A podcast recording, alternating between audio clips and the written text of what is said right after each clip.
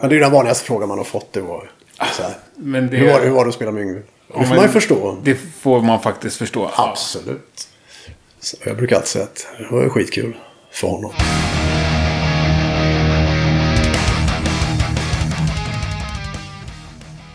Ja, men vilken jävla gäst vi har idag då. Jag tog mina prylar och åkte hem till Mats Levén, denna sånggigant. Eh, vi har ju sett honom i så otroligt många sammanhang genom hans långa och eh, framgångsrika och innehållsrika karriär. Han är ju i dagarna albumaktuell med sitt nya band Prins Svart och den fantastiska plattan eh, Sanning och Makt. Men innan dess har vi sett honom både med Candlemass, eller med Yngve, eller med Therion, eller Treat, eller Swedish Erotica, eller något av alla sinnessjukt många projekt och band han har varit inblandad i genom åren. Vi kommer inte hinna med att prata om allt det där, men väldigt, väldigt mycket. Och trevligt hade vi under tiden, måste jag säga. Vill du stödja Rockpodden med eh, 20 spänn i månaden så blir ingen gladare än jag. Gå in på patreon.com och eh, klicka i 2 dollars alternativet. Stort tack till alla er som gör det.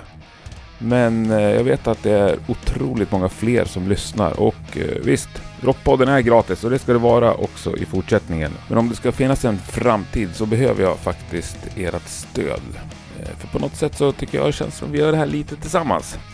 Det är i alla fall min underbara känsla som jag gillar och uppskattar. Men nu kör vi. Du lyssnar på Rockpodden. Mats Levén är veckans gäst. Jag heter Henke Branneryd och jag önskar dig en god lyssning. Varmt välkommen till Rockpodden Mats Levén. Ja, tack, tack. Fasen vad trevligt. Jättekul. Eh, Kul att få komma hem till dig. Ja, absolut. Klart ska jag göra det. Dricka ditt goda kaffe. Hur är läget? Mm. Det är bra vet du. Det är, det är riktigt bråda dagar här med Prins Svart. Och Mm. Väntar på de sista leveranserna inför skivsläppet nästa fredag. Och klipper video. Och, ja, Ja, det känns som att det är exakt samma läge som sist jag träffade någon i Prins Svart, som var Henrik. Och det var inte så länge sedan. Nej, precis. Den plattan släpptes i augusti 2020. Ja. Under pandemins sommar. Och det var ungefär där som jag blev... eh, gick med i bandet kan man säga. Eh, som vi bestämde det liksom. För du var bara med och gästade lite på den plattan. Ja, den plattan sjunger jag bara på en låt. Ja. Eh, Sen så var jag ju med egentligen och körade på alla låtarna mer eller mindre. Och hade lagt på lite keyboard och hjälpt till och prodda lite på någon låt. Men du var med lite live också. Ja, det började för flera år sedan. Ett Så. av de sista giggen jag såg faktiskt innan, innan Ja, världen stängde. Var det Katalin eller Nej, Nalen? Nalen. Ja, precis. Med ja, men där gjorde vi några gig. Ja. Ja, men det var ju året innan väl som jag eh, hoppade in för Stefan. När han fortfarande var med i bandet då. Det var nog när de hade släppt andra plattan precis. Så var det någon helg inte han kunde. Då frågade Henrik mig så hoppade jag in någon helg där. Uh, och sådär. Så att jag menar. Vi har ju känt varandra ett tag jag och Henrik. Så att, och jag har ju känt Pomma har jag ju lirat med förut också. Så att eh, det började väl där någonstans. Men sen så var jag väl lite sådär. Kunde inte riktigt bestämma mig efter att Stefan inte var med längre. För när man har liksom det yrket jag har och är frilanssångare mer än att man har varit med i ett band. Mm. Så vet jag hur det fungerar. Går man med i ett band. Eh, spelar ingen roll om det är ett jättestort band eller om det är ett mindre band. Då får man räkna med att det inte kommer lika många samtal och mejl om olika saker längre. Så är det bara. Rent krasst liksom om man ska tänka rent eh, affärsmässigt liksom. Så att, eh, men samtidigt så kände jag, det var så jäkla kul och det var sådär back to basics liksom. Varför började man spela en gång i tiden? Och man stod i en replokal med några snubbar som alla hade drömmar eller bara ville spela liksom. Och precis så är det med Prins. Det är Ja, verkligen... Han har ju soffa och kylskåp också. Ja, men det... I replokalen. Nej, det har vi inte tyvärr. Det skulle vara skönt. Det var annars... Det Men, eh, ingick i min dröm. Det är för trångt. Ja. Nej, men eh, det, det var det som var så jävla kul att plötsligt gå ner på en lördag och så bara fullt fokus och så bara... Det är så det är liksom. Mm. Eh, och också kul att sjunga på svenska. Det var, det kändes som, det var ju nytt. Jag tror framförallt att jag egentligen i alla år velat spela med ett band.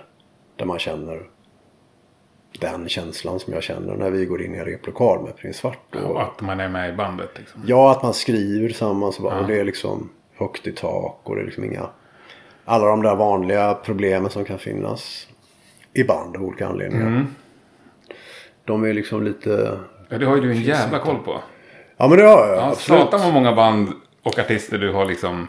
Ja, jag, har ju inte, jag har inte varit med i så många band. Nej. Egentligen. Vilka har du varit medlem i då? Ska vi börja med Jag var ju med i Swedish Erotica. Ja. Det var 1989. länge sedan. 1989 till 1990. Ja. Och sen så gick jag med i Treat då eh, 1991. Där. Där var du också medlem. Ja, och, då, och eh, absolut. Så det var ju två band.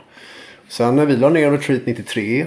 Från det så var jag egentligen inte med i eh, liksom någonting som man kan kalla, kalla för ett band. Förrän möjligen Krux 2002 kanske. Fast det var ju också egentligen mer ett projekt. Vi spelade knappt live och vi gjorde tre plattor. Vi gjorde ga- ganska få gig. Men det var ju väldigt roligt. Jag gillar Krux som fan. Jag med. Som fan. Men, men alltså ska man se till band så var det inte förrän Candlemass 2012 liksom. De 20 åren mellan Treat Mm. och Candlemass var jag egentligen inte med i ett enda band liksom. Men Yngwie Malmsteen är inget band. Nej. Det är hans sologrej. Ja. Vi, vi, vi kommer återkomma Ja men du vet vad jag menar väl? Ja, så att det, jag så att för Men- mig, Krux, det, som, det som, det som jag känner som ett band har jag inte varit med i så himla Nej. många. Liksom. Krux liksom. Ni hade inte den här replokalskänslan. Nej, nej, nej, nej. Utan det var ju väldigt mycket mer att det var ett projekt liksom. Ja. Och att eh, det skulle göras en skiva och Leffe hade skrivit låtarna liksom mer eller mindre. Fast det var jävligt kul. Mm. För att jag gillade Krux som fan. Det blev skitbra. och Det blev en skön blandning människor. Och vi spelade så sällan också. Så Ja. att man hann ju aldrig liksom få någon friktion överhuvudtaget. Nej. Det var bara glädje varje gång. Liksom. Nej, nu har jag ju träffat alla i Krux tror jag. Utom Leffe. Ah, Okej, okej. Det är ju väldigt sköna människor. Absolut. Ja, men fan Leffe borde du göra en podd med också. Ja, det borde jag. Det finns ju mycket att, Mm. att snacka om. Ja, han har ju liksom touchat många av dina projekt. Alltså det... Jag vet, jag sa det till någon för... Eller ja, jag vet inte vem jag sa det till. Om det var till min fru eller vem jag sa att...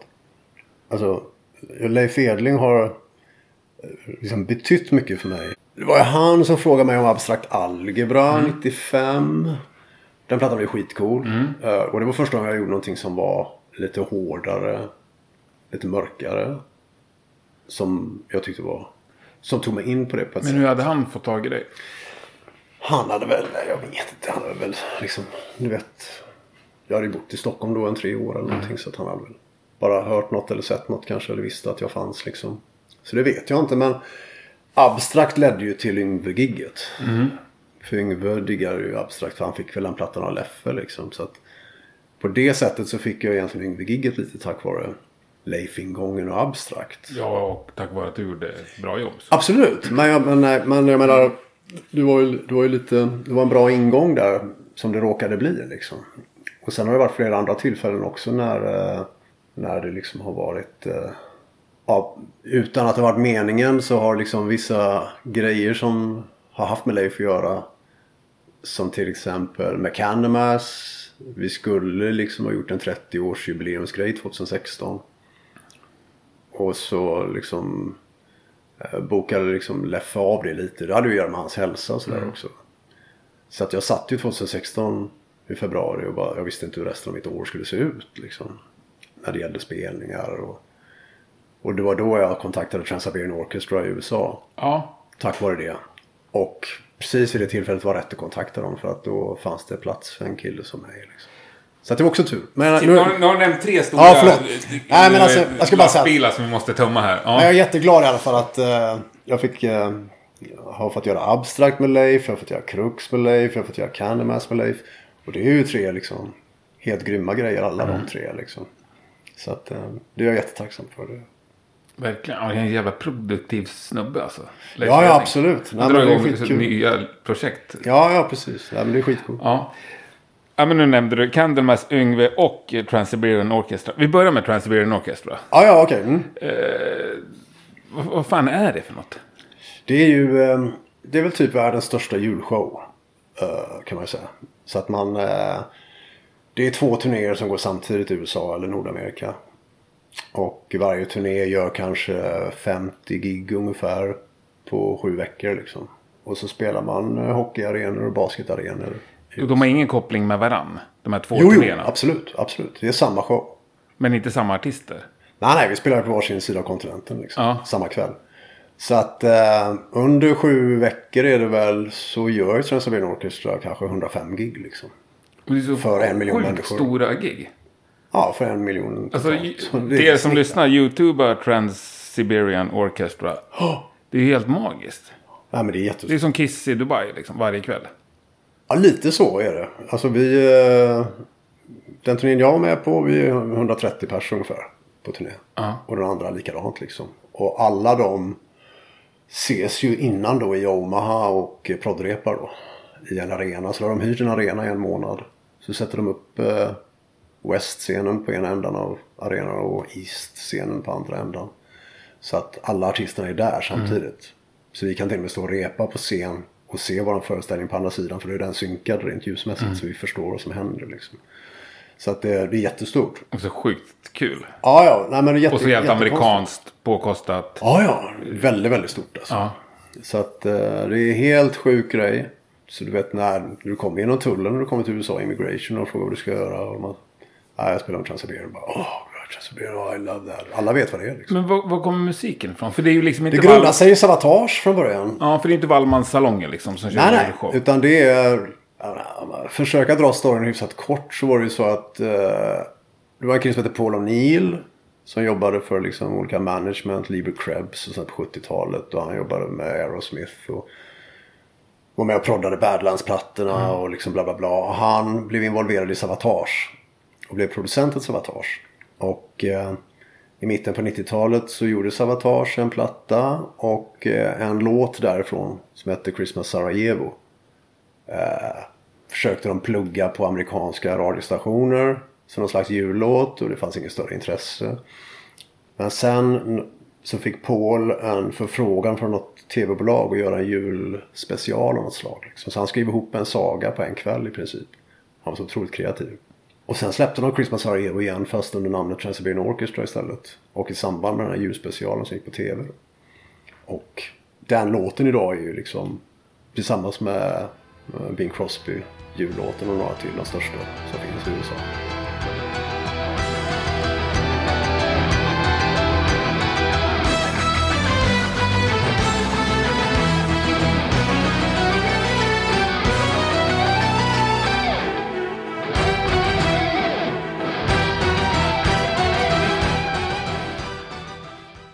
Satte- helt... Den spelas aldrig i Sverige. Nej, nej. Men det är ju staterna så vet varenda jäkel vad det är. Men det, det grundar sig lite på ett klassiskt stycke också. Så Ja. att känner igen. Så. så att den spelas ju två gånger under varje föreställning vi spelar. Början och slutet.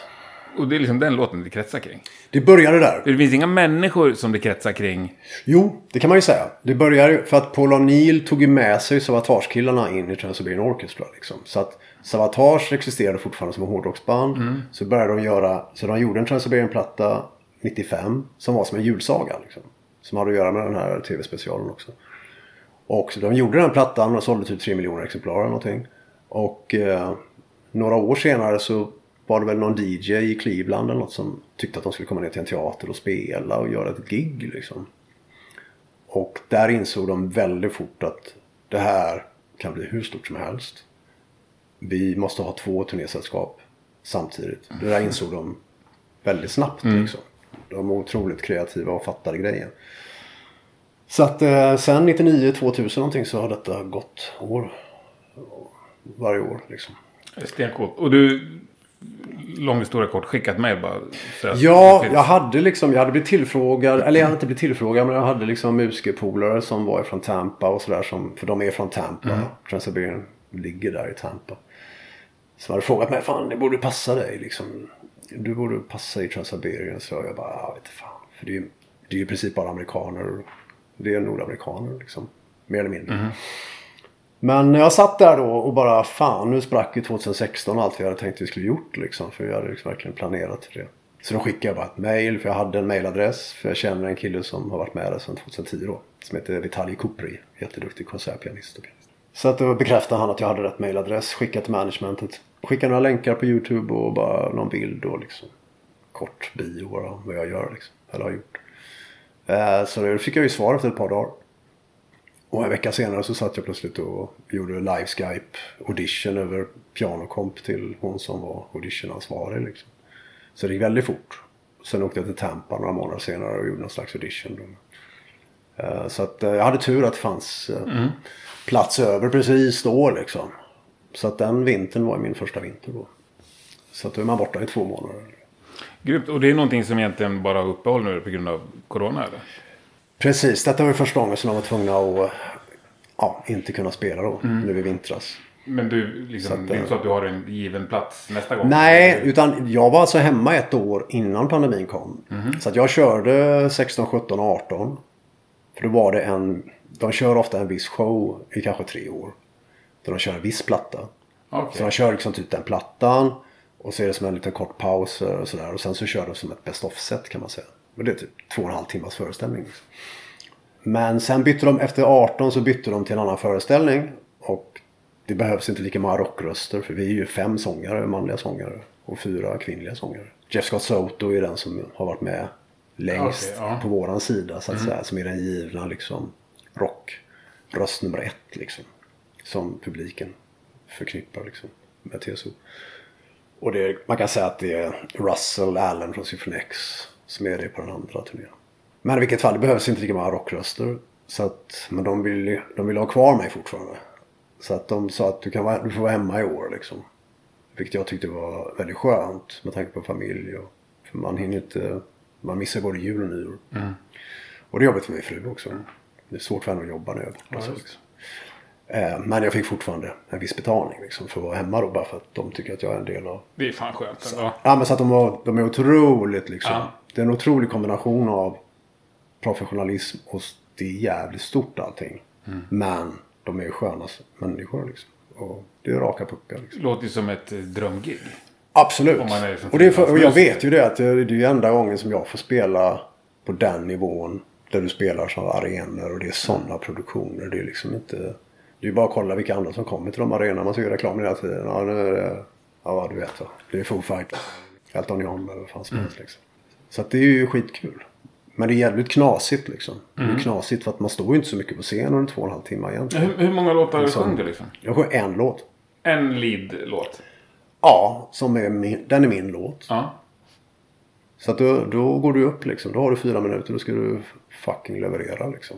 Då är du upp. Och det är det som är lite tricket också som är så annorlunda. När du kommer upp då är det bara wham. Men Scenen är- din liksom. Du, du är inte delaktig i resten av showen på något Jo det är sätt? absolut. Nej, men det, sen är det ju mycket att man står och sjunger kör. Vi kör ju sådär Carmina Burana, sjunger på latin och liksom det är många körgrejer. Att, att jag är med och körar bakom en av de andra sångarna. Så att eh, man är kanske med under åtta låtar eller någonting under en föreställning.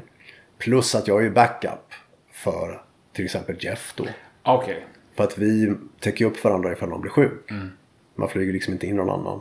Utan vi ska ju kunna varandras låtar också. Så att jag kanske kan fyra, fem låtar. Om någon plötsligt snubblar på trappan. Då är det bara skicka micken liksom. Då är det bara springa upp och köra. Liksom.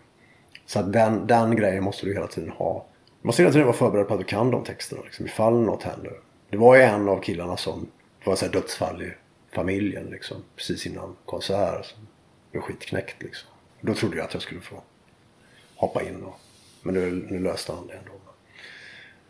Alltså det, det är också en nyttig grej att göra. Det så helt annorlunda liksom. Verkligen. Och turnera också. Man, man åker turnébuss med fem andra sångare liksom. Mm. Hur ofta gör man det?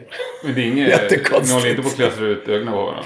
Nej, nej, det är bara skit. Det är det som är så jävla roligt. Att Alla har ju liksom förståelse för alla de här små grejerna som sångare liksom kanske nojar över eller håller på med. Liksom, eller så här. Jävla mycket ingefära. Ja, precis. Mycket ingefära alltså. Nej, men så det är skitkul. Så även om inte jag får göra det någon mer gång så jag otroligt tacksam att jag fick göra det de tre åren. Liksom. Ja, grymt. Så vi får se vad som händer nu. Det, Cool grej. det är ingen som vet vad som händer. Nej. Det är något i vinter. Ja, innan det blir arenor fullsmockade igen. Men USA har väl kört några Ja, arenor? USA, men det är, liksom, det- är det som är problemet också. Att Trans-Siberian spelar ju så många olika delstater. Och vissa delstater kanske det funkar och vissa funkar inte. Liksom. Då kanske de inte kan åka ut på turné ändå då. Eller ska de göra en begränsad turné? Vissa delstater, som Texas har ju öppnat upp liksom. Ja, och de, det är inget som säger att de kommer ha öppet för evigt heller. Nej. Nej, det får framtiden utvisa. Ja. Nej men i vilket fall. Så det är Savatage som är botten till hela det där. Med John Oliva och Albert Men Trelly. otippat ändå. Eller var de också svinstora i USA? Att jag, Inte Savatage nej. Nej. nej. De var ju också en sån band som liksom kämp... De var ju liksom, de sköt ju lite över målet. De var ju liksom lite musikalstyle, lite proggiga, fast metal. De var ju så här. De tangerar liksom inte någon så, sån typ av succé. Nej, det liksom. är det jag menar. De det är lite som off att liksom. Treat skulle göra en julshow och så blir det Sveriges största julshow. Nej, precis. Men det var ju det som var så jävla. Wells Det var det som var så jävla coolt att liksom Trans-Siberian. Det var ju perfekt grej för John Oliva. Och, och det blev plötsligt liksom en sån jävla succé liksom. Så att uh, det blev ju det de gjorde istället. Liksom. Så att alla de här gamla Savatage-killarna är ju med fördelade på de här två turnéerna. Så Al Pitrelli var ju min kapellmästare, gitarrist. Sjukt dålig koll på Savatage måste jag erkänna. Ja, det är skitcoolt. Savatage är grymt. Ja. Jag har ju bara lyssnat mycket på Savatage sen Trans-Siberian. Jävligt coolt tycker jag. jag. Speciellt John Oliva är jävligt cool. Mm. Jag får ta det någon dag. Ja, ja, men ska vi snacka lite Candlemass då? ja. För till slut så hamnar du ju i Leif Edlings eh, riktiga band. ja, just det. Precis. Men du började också med att vicka lite, sjunga lite demos och... Ja, det, det var fanns ju... med innan du blev medlem så att säga. Ja, precis. Det började med Abstrakt 95. Och sen blev vi liksom ett killgäng, eh, grabbgäng där liksom. Från Abstrakt. Fyra av oss som bara hängde. Vi spelade kort och gick på kvarnen du vet. Och, eh, liksom som umgicks sådär liksom. Och bodde på Söder. Och, och sen, det började med att Leffe började liksom komma hem till mig och spela in så här superenkla demos för att ge till de andra killarna i bandet. Så att de skulle vara lite inlyssnade på hans idéer innan de gick ner och repade. Och vem var sångare då? Ja, det var liksom... Det är en bra fråga för att det var också väldigt rörigt. Ja. Men det var Messiah-tiden där. Okej, ja. Jag kommer inte ens ihåg vilken ordning allting skedde. Men... För jag sjöng in någon låt som skulle skickas till Tony Martin där. När det var, när de, när det var snack om Tony Martin. Jag gissar att det var någonstans emellan det att han gjorde Reunion-turnén med Messiah. Och innan han gjorde den vita plattan sen eller något sånt där. Det var lite up and down. Jag kommer inte ens ihåg vilken ordning. Men där blev jag lite involverad och vi gjorde ju Crux-demos också. Och ibland visste man inte om det var en Crux-låt eller en Canvas-låt. Det visste väl inte Leif heller liksom. Han ville bara skriva, få ner sina idéer. Så då brukade vi lira in det hemma hos mig och jag hade trummaskin. Jag spelade gitarr och sjöng. Så där började ju det kan man säga. Jag var till och med med Canvas och roddade på Sweden Rock 2002. Bara för att jag skulle komma in med Sweden Rock och kunna hänga och partaja. så att då var jag Messiahs eh, roddare lite. Fixade fram stol bakom scen och bar ut en ackgitarr till Fan vad skönt. Ja. Sådär, ja, så ett gig där. Körde jag lite rodd och Ja. canvas. Och så eh, började vi med Crux där samtidigt. Så att det var ju lite sådär. Men sen var det ju då när Messiah var ute ur bandet igen efter den vita plattan. Då hade de ju börjat spela in King of the Grey Island. Och då hade de ingen sångare. Men eh, Nuclear Blast ville ju höra plattan liksom. De ville höra låtarna med sång på. De har ju betalat för det här liksom. Så att då eh, sjöng jag in hela King of the Grey Island på några timmar liksom i studion bara. För att det skulle finnas sång på.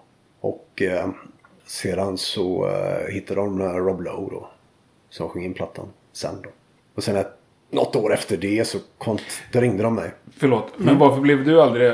Blev du tillfrågad eller var det aldrig aktuellt då? Då var det nog inte aktuellt. Jag tror aldrig att Leffe liksom, jag tror inte Leffe riktigt ville. eh, han tyckte nog inte att jag, nej jag vet inte. Han kanske inte tyckte att jag passade liksom. Nej. Det vet jag inte riktigt. Men däremot året efter. Men var det någon tanke som slog dig? Var det surt att du vill sjunga in demon sen kommer någon tjock gubbe och får jobbet? Nej, jag tror inte jag riktigt var... Det, det där var ju nog ungefär när jag var ute med Therion och körde ganska mycket och vi höll på med Gothic Kabbala och sådär så att... Nej, jag tyckte att Crux var så jävla bra också. Så jag tyckte det var så gött att göra det med Leif. För att det var det vi gjorde tillsammans. Ja, det här liksom, jag bara hjälpte till liksom. Mm, jag ville, ville bara vara schysst. Ungefär liksom. Så att det var bara kul grej att vara, vara med och hjälpa till. Men däremot kommer jag ihåg, eller jag kommer ihåg det väldigt väl för att jag skulle ta tåget ner till Sweden Rock 2008. Det gick ett sådana här rocktåg ner till festivalen. Där, man, där, jag, där jag gästsjöng med någonting på tåget. De hade en liten scen på tåget. Med Rye Roxy och Pontus Nogren. Och jag träffade min fru där. På det tåget. Eh, Precis när, när vi åkte från Stockholm. Och precis när jag började snacka med henne så ringde det på telefonen. Och då ringde Leffe och Mappe från Arizona var det tror jag i USA. För det- de körde sin USA-turné där med, med Robert. Och då ville de att jag skulle gå med i Canvas. Det var 2008. Och då kom jag och sa, ja, fan, vi, får ta, vi tar en annan då, vi hörs. och så snackade jag om det sen senare på sommaren. Men eh, då var jag lite sådär, jag tyckte, jag sa det till Leif att fan, vi kan inte hålla på och byta sångare igen. Vad fan, ni måste ju liksom få till det här nu liksom. För Robert var ju grym tyckte jag, liksom, sångmässigt liksom. Vi måste bara fan, vi måste ju... Det fanns ju en anledning till att ni tog med honom. Försök styra till det här liksom. Uh, så att... Um, och Leffe kände väl likadant också. Men ja. Så att det var ju första grejen. Men sen blev det ju att det sprack med Robert då 2012. Ungefär i samband med Sams for the Dead-plattan där. Och då hade de väl release-giget bokat på Debaser. På vår och sommaren där. Våren, sommaren och så ett par festivaler. Och då frågade Leffe mig om jag kunde ta de giggen liksom. Och hjälpa till med det.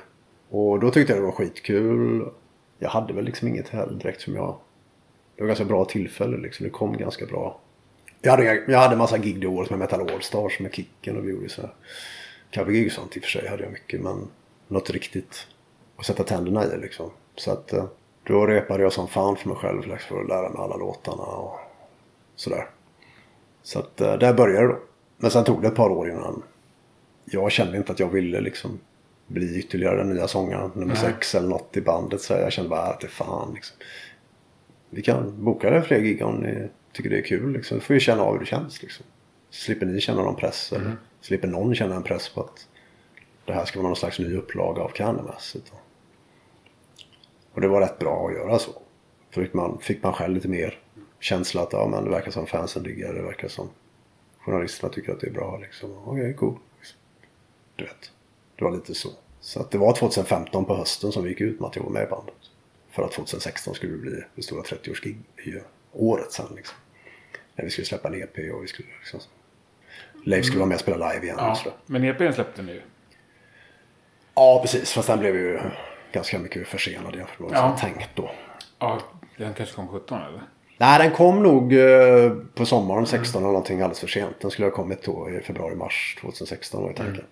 Mm. Uh, inför festivalen. Och tanken var väl då att Leffe skulle vara tillbaka på scen igen också då 2016. För han har ju varit borta från scen ett par år då. Mm. På grund av sin hälsa liksom. Men det, eh, det var ungefär när allt det där sprack då som jag kontaktade Transaverian. Och sådär. Vi gjorde ju fortfarande gig med Candlemass men det var inte mm. så mycket som det var tänkt. Liksom. Så att, um, ja. Så kom jag med i Candlemass där. Och sen började vi med, uh, vad är det för år där? 16? Ja, det var någonstans där 2017 där kanske som det kom upp där med House of Doom. Och hela det här kasinospelet och allt det där. Som hette House of Doom då. Som blev någon slags injektion för Leif också att skriva nytt material. Liksom. Uh, för att han hade gjort Avatarium och sitt eget Doomsday Kingdom. Och så, så att eh, när det hände med House of Doom var ju skitbra. För det var ju plötsligt någonting som kom. Gav en injektion till bandet att göra någonting liksom nytt. Och det var det jag hade väntat på lite också. Mm. Jag vill ju göra platta liksom. vill inte bara bli någon slags uh, tributeband till oss själva liksom. Där man bara åker runt och spelar en platta. Ja, jag förstår. Ja. Du vet det där liksom. Ja, ja visst. Och, jag, För jag visste ju det att Leif Leffe skriver låtar hela tiden. Så att vi ja. skulle kunna göra en platta som blir hur bra Nej, som helst. Det var mycket såhär ni kört bara Nightfall. Och... Ja men det blir ja. ju så. Ja, ja. Det, det, liksom, det blir så här. Folk efterfrågar det. Så att, och det var ju skitkul det med. Jag antar att du också tog gillar Candlemass liksom. Eftersom det hakar på. Ja, ja absolut. Mm. Men, men eh, samtidigt var det väl lite så att jag, jag var ju egentligen mer en Krux-kille. Mm. Så som Krux låter. Sen kan man ju tycka att ja, men det låter likadant. Men för mig låter det inte riktigt likadant. Uh, ja, sen diggar jag ju Canada som fan. Speciellt när jag fick stå på scen och sjunga. Då mm. kände man ju ännu mer. Det kändes ju alltid som jag brukar säga att det kändes som ett stort gammalt monster som ruskade av sig och mm. gick upp på en scen och sen så fanns det alltid en leverans liksom som bara var... Jag, jag satt igår och kollade på liveklipp med dig och Candlemass. Det var något klipp, det är så jävla bra. Ja, vad kul. Ja. Ja, men det kändes ju väldigt bra. Vad heter trummisen? Janne Lind, ja. Janne Lind. Ja, just det. Alltså det svänget han har. Och det är som när han Absolut. knycker till med axlarna liksom när han lirar. Ja, ja. ja men han har ju... skönt. Det är en stor del av soundet till hans... Uh, ja. Han är så sen med virveln. Ja. Det är då det kommer han är, knycket. Virveln är liksom lite sen på ett sätt som är som en stor del av soundet. Ja, skapar ett unikt sväng. Absolut. Ja. Nej, så att det, det är väldigt speciellt. strange to possess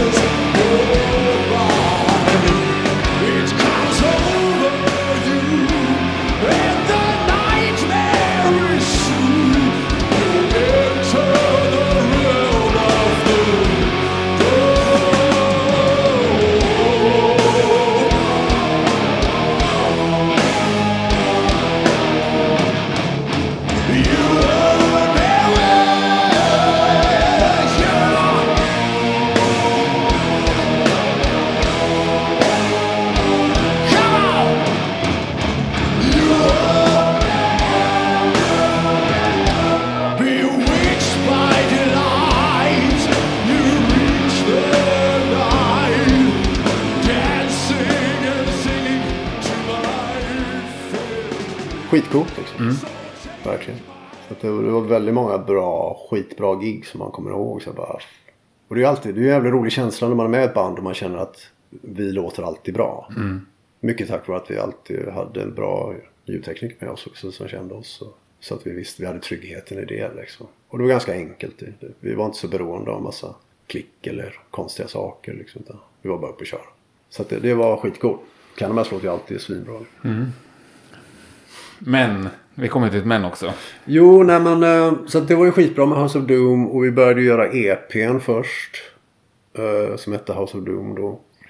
Och sen i samband med det så visste vi att det skulle göras en platta också. Så vi började dema för den med. Och vi jobbade hårt som fan på det. 2018 där ja, precis. Så att det var ju skitbra. Den våren jobbade vi på som fan. Det var skitkul. Vi gjorde ju Polar Music Prize där. Med Tobbe och Ghost för Metallica. Och... Det. Och eh, hela den här spelet skulle launchas. Vi åkte ner till Malta och spelade för kasinorna. Lite sådär. Mycket grejer som hände den sommaren samtidigt som plattan skulle bli klar och mixas. Och eh, det var där någonstans det började spricka när jag liksom, jag var inte nöjd med mixarna. Jag tyckte inte det lät som det skulle. Och det, var, det är ju liksom mest Leif egentligen som har åsikter. Som, det är ju Leifs band liksom, det är han som bestämmer. Men jag tror också att tittar man tillbaka på det så inser jag också att jag har ju varit musiker i 30 år. Uh, siktar ju alltid, jag siktar ju alltid framåt. Liksom. Jag vill alltid saker och ting ska bli bättre och bättre. Jag vill göra nya saker, jag vill vara kreativ. Det är en del av det som jag gör. Liksom. Medan Cannabis insåg jag efter ett tag att jag var liksom naiv i början. Jag trodde kanske att Cannabis ville bli större. Kanske ville liksom göra mer. För jag tyckte att Canvas var, förtjänade det. För det är så jävla bra band. Liksom. Men sen insåg jag efter ett tag att det kanske inte är det som de vill. De är rätt nöjda med saker och ting som det är. Och absolut, klart det är kul att göra större grejer eller sådär. Men inte till vilket pris som helst. När det gäller satsning eller engagemang. Eller. Så att eh, jag tror att jag var lite naiv där. Och pushade på för mycket. Och liksom, jag tror att de kände lite, ja du vet. Vi var lite i två olika världar till slut. Det var egentligen som tre världar. Det var Leif, det var jag och sen var det de tre andra liksom. Och fair enough, det, då funkar inte det till slut. Liksom. De tyckte att jag... För jag jobbar ju hela tiden så, även om det är prinsvart nu. Att jag vill att det ska bli så bra som möjligt. Och speciellt om man har betalat mycket pengar för någonting. Då vill jag verkligen att det ska bli så bra som möjligt. Det är en annan sak om man har pröjsat 20 000 spänn för en platta. Eh, så att det var ju där någonstans det började bli. Eller det var en konstig situation också för att det var den sommaren 2018. När det var så jävla varmt i Sverige. Det var så jävla varmt. Och man märkte att folk inte hade samma tålamod. Folk blev mer irriterade snabbare. Allting var lite jobbigare va. Allting var lite sådär. Fan, lite mer kokpunkt liksom. Du vet såhär Do the right thing med Spike Lee liksom. Ja, Du vet, så här, va? fantastisk film. Ja Ja. men du fattar vad jag menar va? Ja, jag. Den feelingen. Där man kände så att man fick. Man läste mail och liksom bara. Hmm. Ja du vet. Ja. Och sen så inser man själv att man kanske själv också framstod så ibland vissa mejl för att man var så jävla engagerad i någonting. Så det blev lite fel till slut. Och eh, sen är det klart att det var tråkigt att... För jag har ju hela plattan färdigmixad hemma med mig på sång liksom. Eh, så att det var ju tråkigt att de ersatte min sång. Men samtidigt så kan jag förstå att de gjorde det. Eftersom att, att de tog med Johan. Så. Det var konstigt för honom att gå med med en ny platta med mig på sång. Så att, det Ja, ja, det hade ju varit kanske ännu mer konstigt. Men för, för oss som bara följde det här via liksom, sociala medier så Ja. var det ju, gick det jävligt snabbt. Ja men det gick jävligt snabbt. Ja, Eh, Jag vet hur snabbt det gick. Jag satt på flygbussen från Bolognas flygplats till Rimini med min familj på semester en vecka i augusti. Och fick, han precis laddat ner mixarna och satt i hörlurarna och lyssnade på bussen där. Barnen satt och sov runt omkring liksom. Efter flygresa. Och det började låta bra av mixarna. Jag bara kände, men fan nu. Nu börjar det låta så som i alla fall jag tyckte. Nu börjar det låta på riktigt liksom. Fan vad gött liksom. Och så åkte vi iväg en vecka på semester.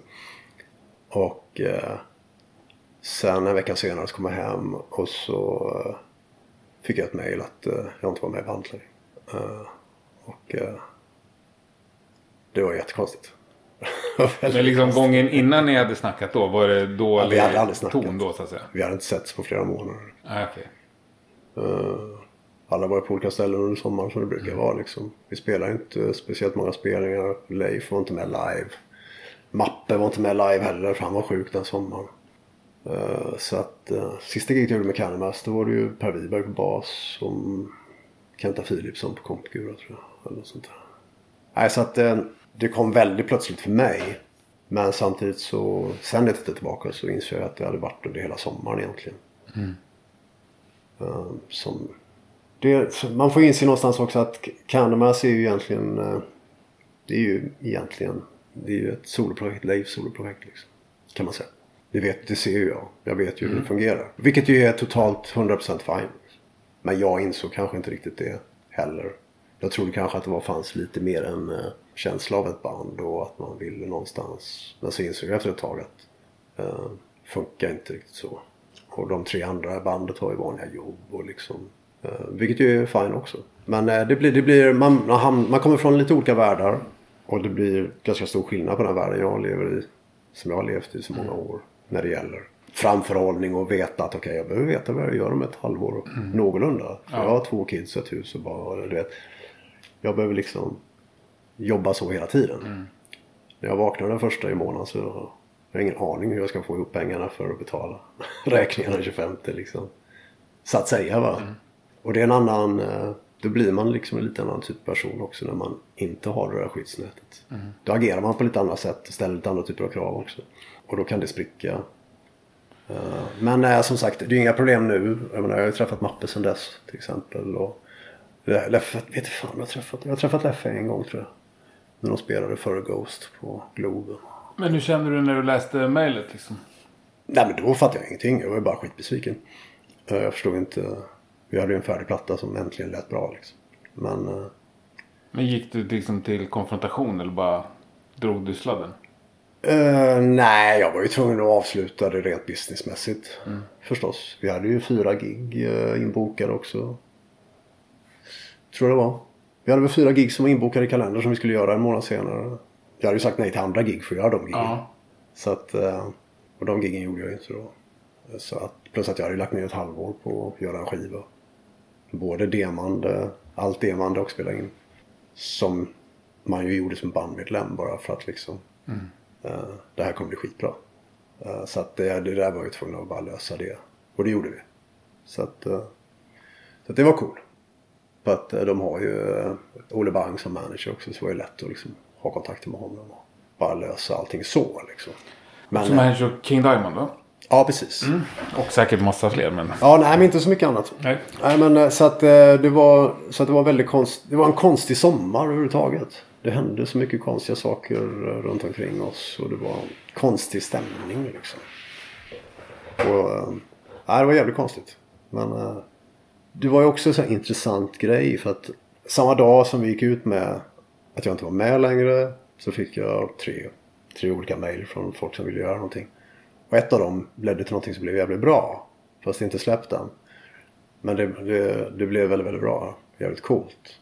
Och sen två dagar senare så la jag upp några blänkare på Facebook om att jag höll på att göra mina egna demos. Att äntligen försöka göra klart mina egna demos. Eh, Det som blev Skyblood. För det ville jag liksom inte riktigt göra när jag var med i Candlemass. För jag kände att jag ville liksom inte störa. Jag ville inte röra om i grytan liksom. Nej, ja, det Utan jag ville jag. bara satsa på Candlemass liksom. Eh, Så att det var också en sån här grej som jag... Och då hörde Napalm av sig direkt som var Candlemass skivbolag. Eh, De hade sett mitt inlägg bara. Och sen fick jag ett kontrakt på att göra plattan på Napalm.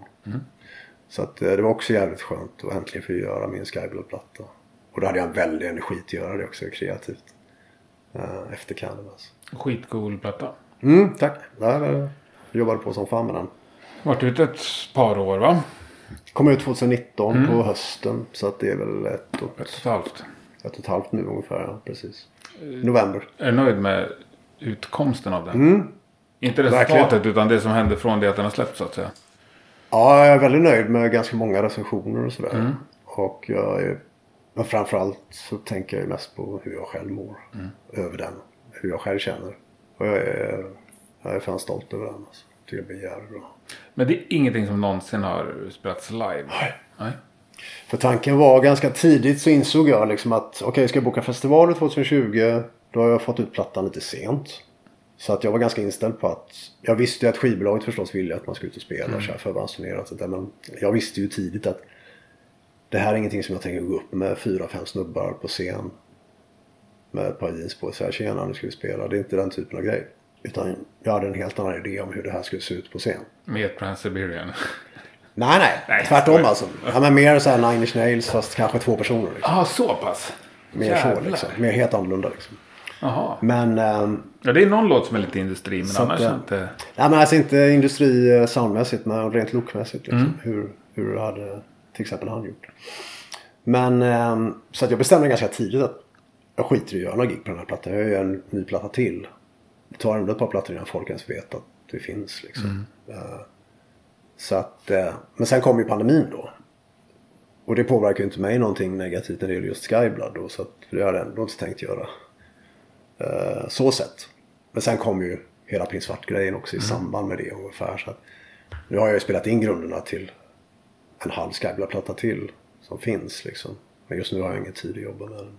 Vad är det för folk med och lirar på första Skyblood? Ja, det är ju ehm, det är fyra olika trummisar. Jag spelar ju det mesta själv. Eh, men det är fyra olika trummisar. Det är Martin Axenroth från Opet på en låt. Det är Snowy Shaw på fyra låtar tror jag.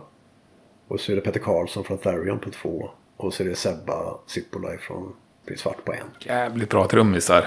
Ja, fruktansvärt bra. Allihopa. På jävligt olika sätt. Och det är det som är så jävla coolt liksom. Att de ställde upp och... En del av de här trummorna var inspelade 2012 liksom. Okej, Det var så gammalt liksom. Eh, Så att min räddning var ju Dino Medanhodzic. Som jobbar med Prins Svart. Som eh, mixar Prins Svart-plattorna. Som har gjort Hardcore och Superstar. Att han eh, kunde få till det liksom.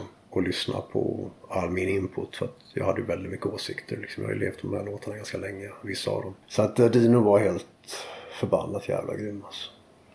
Och han har gjort den här mixen på den här plattan också. Och det var också ett hästjobb alltså. Det är 77 minuter. Ganska olika typer av låtar. Så att han har gjort ett jävla jobb. 77 minuter är långt nu för tiden. Ja, nej men det... Vi satte ett mål där med Prins Svart. Men du, ja, du kanske vill ta det sen.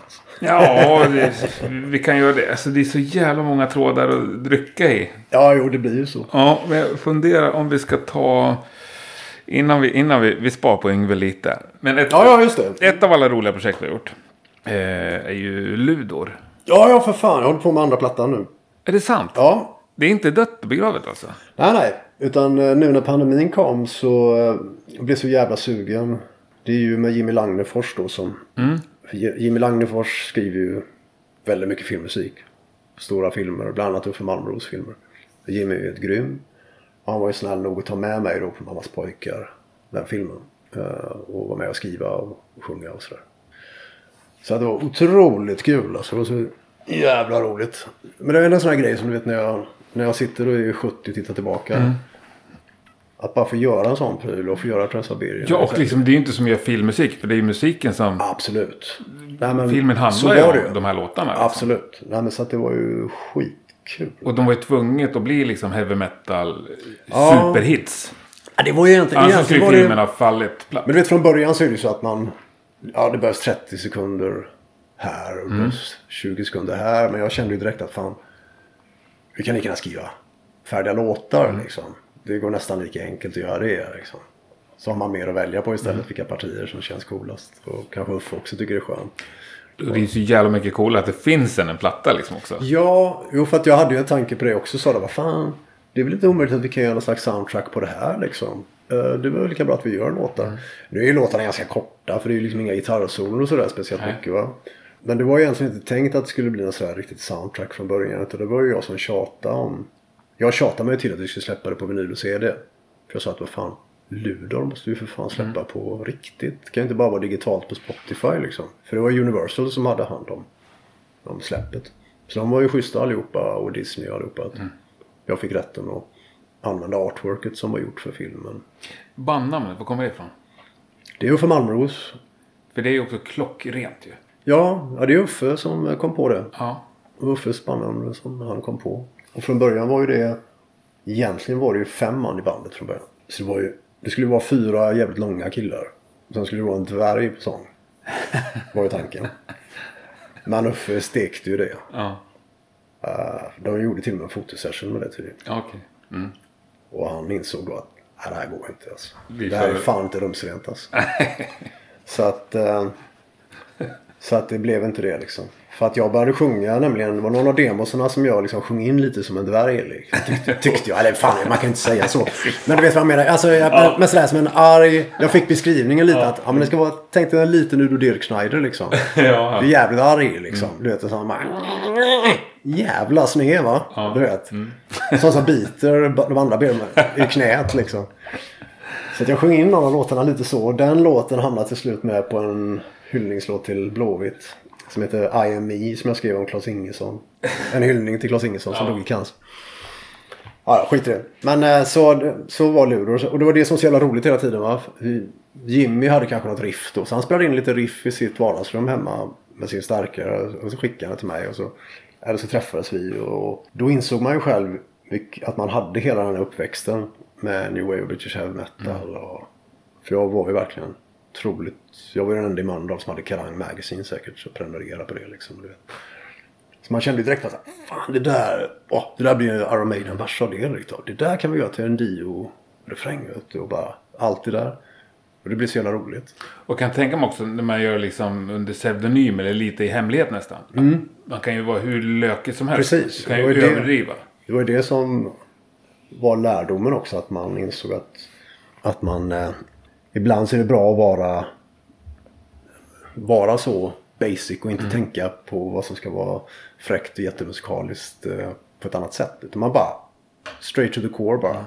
Och man bara sjöng sånt som var standardgrejer. Men så insåg man till slut ändå när det var klart att ja, det här blir jävligt bra. Ja, ja, det är ju det Saxon och Judas. Priest håller på med också. Ja men du vet man lärde sig under processen. Ja. Fan, coolt liksom. Och det var så jävla roligt. Och jag, du vet de hade gjort sånt. Det var en kille som hade gjort liksom en fiktiv eh, liksom 30-årig historia för Luleå. Liksom med alla plattorna som har gjorts sedan sent 70-tal fram till 2010 liksom. Han är ju rå koll den här snubben. Han, och varje omslag var ju verkligen så som ett omslag såg ut 82 eller 95 eller 2007. Som Lu- Luleå. Och det här är någonting som ni fick bara? Jag fick tillgång till det liksom. Ja. Eh, För att liksom få inspiration till att skriva texterna och skriva låtarna. Så jag kommer så väl ihåg. Jag satt på en buss till Ankara. Jag gjorde en turné i Turkiet med en turkisk gitarrist. Eh, Och så satt jag där med hörlurarna och tittade på min dator. Och så fick jag upp eh, den här bilden på när han sitter på en drake. Och det är typ som en liten den här bebisen som sitter på en drake liksom. Och då, hade, då fanns titeln Ride eh, the Vapor. Fanns där. Som han, han hittade ju på massa låttitlar också den här killen som har gjort alla omslagen. du. Så att jag kände att shit, det är som värsta Priest-refrängen liksom. Bara, bara fick det direkt liksom. Och det var ju så det funkar med väldigt mycket grejer. Att man, Vad var det för snubbe? snabb inspiration liksom. Du? Nej, men jag kommer inte ihåg vad han heter men han, Svensk? han jobbar ju med, ja ja, nej men han jobbar ju på det här Girl with the Dragon Tattoo och eh, du vet sådär va. Så att, I filmbranschen alltså? Absolut. Ja. Nej, men gör mycket sådana grejer för filmer liksom. Nej, så det var jävligt bra. Och eh, inspirerande. Det är min sons telefon som låter. Jag ska stänga av det. Nej, det var ju skitkul. så jag nu tänka. eh, så bör, bör, fick jag inspiration i våras när pandemin kom. på Att äh, nu jävlar skriver vi en platta till. Liksom. Så började jag skriva som fan. Och Jimmy skrev på sitt håll. Och, och jag skrev här hemma och började göra demos. Och, och sen så eh, spelade vi in alla trummorna i somras. Strax innan vi gjorde release-gigget på eh, Under jord med Prins Svart. Då skulle Prins Svart gå in och spela in två låtar till. Som blev den här plattan som kommer nu. Så att det var de första låtarna som jag var lite involverad i och liksom arrangera lite och komma med lite idéer och sådär. Så spelade vi in de två. Och så spelade vi Sebba in två trumbakgrunder till Skyblood. Och så spelade han in hela Luleå-plattan. Det var hans session. Så han fick jobba på. Bra dag. Ja. Ja, så vi körde Prince Svart Skyblood ena dagen. Satte trumsoundet och sen nästa dag så fick han spela in hela Luleå-plattan på tre timmar. Men liksom i, vilket sammanhang kommer Ludor-plattan släppas? Helt fri? Ja, det är ju liksom det är Bandet jag som släpper vidare. det. Det är jag som släpper det. Men, Ja. För hur länge sedan var det filmen kom? Eh, 2012 var det väl va? Ja, det Men det inte- roliga var ju att det finns ju en jäkla sån här eh, following. Folk som verkligen älskar Ludor och vill att Ludor ska finnas. Mm. Liksom. Så att vi gjorde ju några gig med Ludor. Men det, fick ni berätta att det var ni som stod bakom musiken och sådär från början? Eller var det lite hemlighetsmakeri? Ja, det, jag vet inte om det var så hemligt egentligen. Utan det var väl liksom, för oss var det ganska underförstått att det var så. Det fanns ju folk som trodde att lurar fanns på riktigt. Märkte man efter ett tag. Ja, ja, du gjorde det med Spinal Tap också. Ja, precis. Nej, men så var det ju. Men det var, det var helt, eh, det var så jävla coolt för att vi gjorde, vi gjorde något gig då. Då var det Pontus Norgren på gitarr. Var med och spelade då. Och Jimmy spelade ju också gitarr fast han var inte med på just det giget i Falköping när vi spelade då. Så var det Sampo Axelsson på bas och Seven Antonopoulos på trummor. Eh, och jag. Och eh, vi lirade i en liten rockklubb som låg i anslutning till en bowlinghall i Falköping. Och det var sånt jävla drag vet du. Folk hade tagit sig från olika ställen va. För att komma hit. Det var så packat där inne va. Och det, folk hade gjort egna ludorhårband. Egna öl som vi fick. Du vet med etiketter på. Du vet, det var helt sjukt. Mm. Och liksom, och alla köpte ju merch. Vet du. Jag köpt Jag, jag kan tänka, det måste det är ju sjukt kul att ha Ludor-merch ju. Ja, ja. men det var ju helt sjukt den entusiasmen och hur kul det var det giget. Uh, och så gjorde vi bara någon, några gig på Anchor någon helg på kul här i Stockholm liksom. Eh, Det var ju det liksom. Sen har det inte funnits tid att, att egentligen göra så mycket med det. Men, hur Men man mycket, vet Hur ju. mycket image var det de geggen? Var det mycket nitar och... Nej, inte så liksom. Utan vi gick ju mest upp och körde låtarna liksom. Folk var ju bara... Ja, folk älskar ju låtarna liksom. Och kunde varenda jävla textrad liksom. Det var ju helt grymt. Det var ju skitkul. Så själv har man känt att fan skulle vara kul att spela på Sweden Rock någon gång. Liksom. Det hade ju passat hur bra som helst liksom. För det är ganska många ändå som känner till Luleå i Sverige. Uh, Ultimata partybandet. Ja men det var en framgångsrik film också Ja, liksom. ja. Sålde ju nästan 300 000 biljetter tror jag. Så att... Eh, nej, men så att sen har det inte varit eh, läge och alltihopa och vi har snackat. Vi släppte ju en EP på Spotify då 2014. eh, som heter Black Christmas. Så Black Christmas och Children of the Thunder och uh, Each of Grinded Skulls och I Am Me, de fyra låtarna gjorde vi klart då. Och jag kan tänka mig att Black Christmas, som är en jävligt bra låt, det var den jag skickade till Trans-Siberian Orchestra Okej. 2016. Så att, eh, och den låten är jävligt bra. Det är nog en av de bästa låtarna jag har varit med på som folk inte riktigt känner till. Riktigt fin låt alltså. Så att eh, det var Jimmy som hade en idé från början där. Så skrev vi klart den. Så att, äh, så att Luleå är mycket kärlek. Det är skitkul. Så att vi har eh, skrivit mer eller mindre klart den här nya plattan. Det är bara att jag har jobbat så fruktansvärt mycket med Prins Svart nu i ett halvår. Så att jag har haft otroligt lite tid. Och eh, gör, göra så mycket mer med Ludor just nu. Jag hade egentligen tänkt fått ut dem i vintras liksom. Men det var det att vi satte ett sånt jäkla högt mål med Prins Svart också. Så det, det var bara att ge sig in i den matchen. Ja, bra. Den eh, kom ju i fredags. Nya. Så pass, ja. Så pass. Just det, Om 23. jag har full koll på kalendern. Just det, precis. 23, kom den ja. 23 april. Yes. Jävligt bra. Ja, Jag älskar ju sanning. mm, just det. Sanning eller makt Titt- sjunger du. Sanning och makt, ja. Sanning och makt. Sanning och makt. Heter plattan och det är titellåten.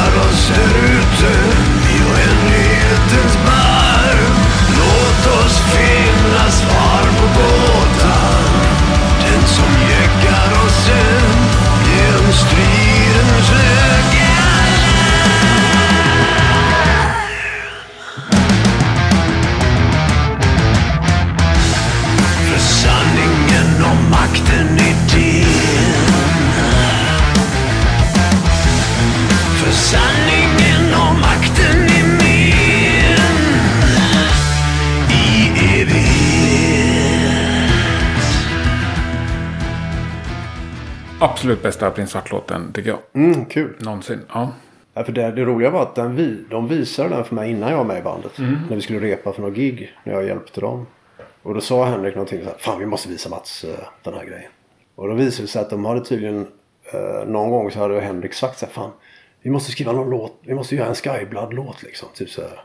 Någonting som. Hur hade Mats gjort liksom? Hade de sagt eller någonting. i replokalen. Så hade de börjat, så hade han det här riffet och de hade börjat möla på. Mm. Och sen skapades det vad det nu blev liksom. Ja, det, ja precis. Vad Men nu det är skitkul. Ja, ja, verkligen. Jag höll på ganska mycket innan jag liksom hade bestämt hur jag skulle sjunga på det. För vi ville ha en lite nästan sakral känsla på blastbeatsen liksom. Eh, Okej, hur ska jag sjunga då? Ska jag sjunga så här mörkt eller ska jag sjunga så här? Jag höll på att laja som fasen med det innan vi hittade ett slutresultat. Vad är det hårdaste du har sjungit någon gång? Eller alltså, vilken hårdaste musiken du har sjungit till? Nej, det vet jag inte. Jo, ja, vi gjorde faktiskt, jag tror nog något av det hårdare som jag har varit med på är nog... Vi gjorde lite demos med Fredrik Åkesson. Eh, Vi gjorde en platta som heter Southpaw. Som jag gjorde samtidigt som jag gjorde Yngve-plattan. 97-98. Och sen så var det snack om att vi skulle göra en Southpaw-platta till. Och då började vi göra demos. Och då gick jag in och sjöng helt annorlunda. Då sjöng jag liksom som typ Lemmy Voice liksom. Okej. Ja. För jag bara tyckte det var kul. Liksom. Ja, Det lät helt annorlunda. Det borde inte heta Southpaw. Men eh, de demosarna, då tryckte jag på som fasen. Om man nu ska prata om att sången var hård så att säga. Men de ligger begravda någonstans. Ja men den har jag någonstans. Jag har några filer där. Men jag tror att eh, Kulle har använt något av de riffen till något annat sen. tror jag. men det var, det var coolt. Ja. Eh, så att, ja. Nej, nu måste vi ta Yngve. Ja, det måste vi ta Yngve. Innan folk ledsnar på oss. Ja, ja, för fan. Eh, eller det är ju jag som har fascination för Yngve. Men ta oss med från början. Hur fick du frågan? Ja, det var abstrakt algebra som jag gjorde med Leif där 95. Och snacket gick då att Yngve hade två ex av den plattan. Och att han hade en sån här CD-växlare med fem. Så han hade två, två av platserna så låg den plattan så det var större chans att den skulle komma på när han tryckte på random. Grymt. Ja. Eh, Jag vet inte om det var sant, men det var snacket. Men han eh, diggade ju den som fan. Och eh, han hade försö- försökt få tag på mig via Leif ett tag. Men jag tror inte Leif hade svarat på hans meddelanden. Och det var väl mycket sådär. Han hade ringt på natten, du vet, in på Leffes telefonsvarare och sådär. Men till slut så eh, fick vi kontakt via Peter Roth på något sätt tror jag. Som var gitarrtekniker med Yngve. Och då gick vi, typ hela abstrakt-gänget, och kollade på Yngve när han spelade på Gino 96. Med, eh, på Inspirations-turnén. Den här coverplattan han gjorde.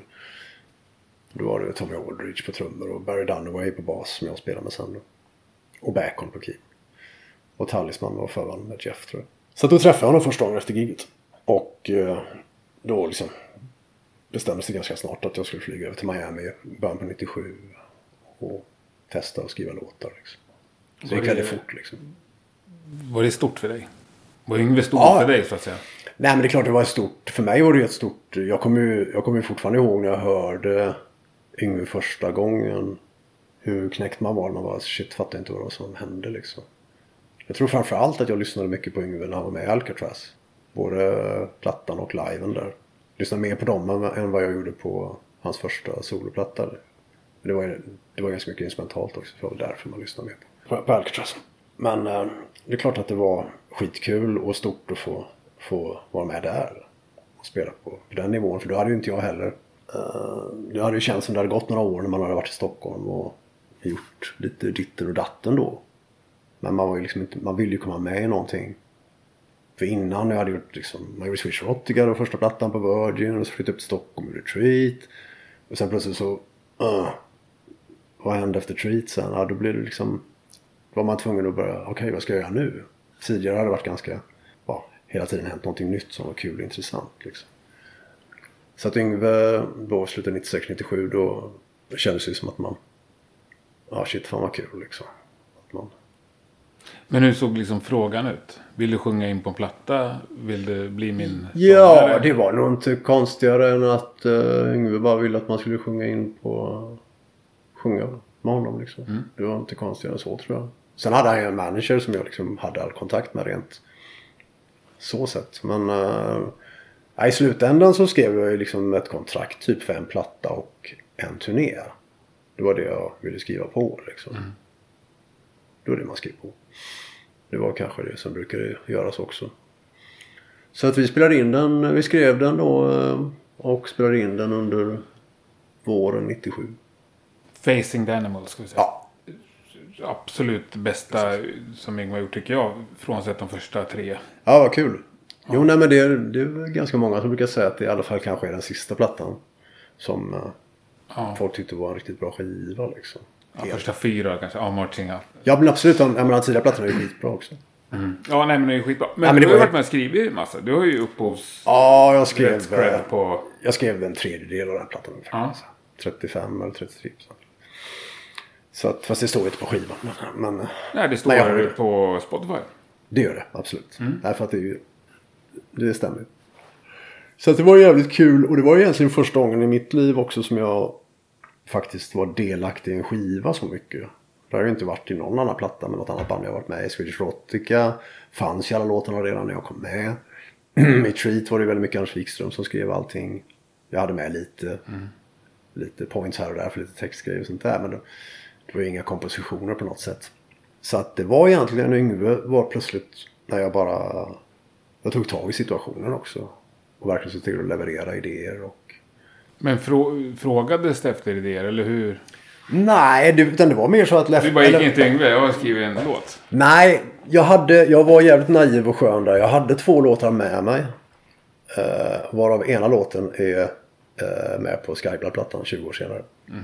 Vilken? Vill du berätta? Eh, One Eye for an Eye heter den. Den heter Eye to Eye då. Det lät lite annorlunda i och för sig men det var typ den låten. Och den... Nej det var inte den jag hade med mig. Men jag, jag visade honom den refrängen. Och den diggade han så fan men den ville jag inte släppa.